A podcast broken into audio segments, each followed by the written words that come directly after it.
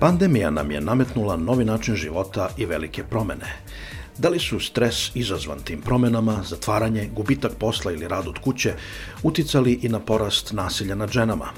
O tome za Radio Karantin govore Mirjana Mitić iz Autonomnog ženskog centra. Ono što možemo sigurno da tvrdimo jeste da se nama definitivno ove godine javilo veći broj žena i interesantno da nam se javio naročito u tom nekom prvom periodu e, kada su bile kada se je bio policijski čas, javilo se tri puta više ženi. I Ljiljana Raičević koja u Podgorici vodi sigurnu žensku kuću. 25% povećano i poziva i dolazaka i puno nam je sklonište bilo. I telefon nije prestajao da zvoni.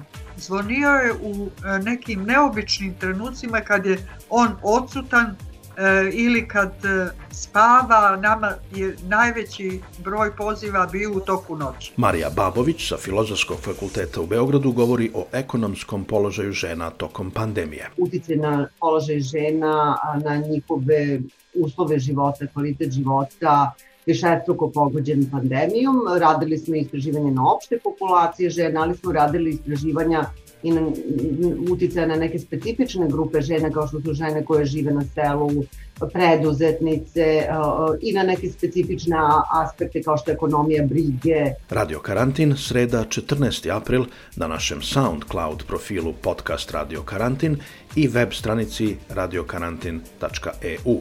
Naći ćete nas i na Apple Podcast platformi, odnosno platformi podcast.rs.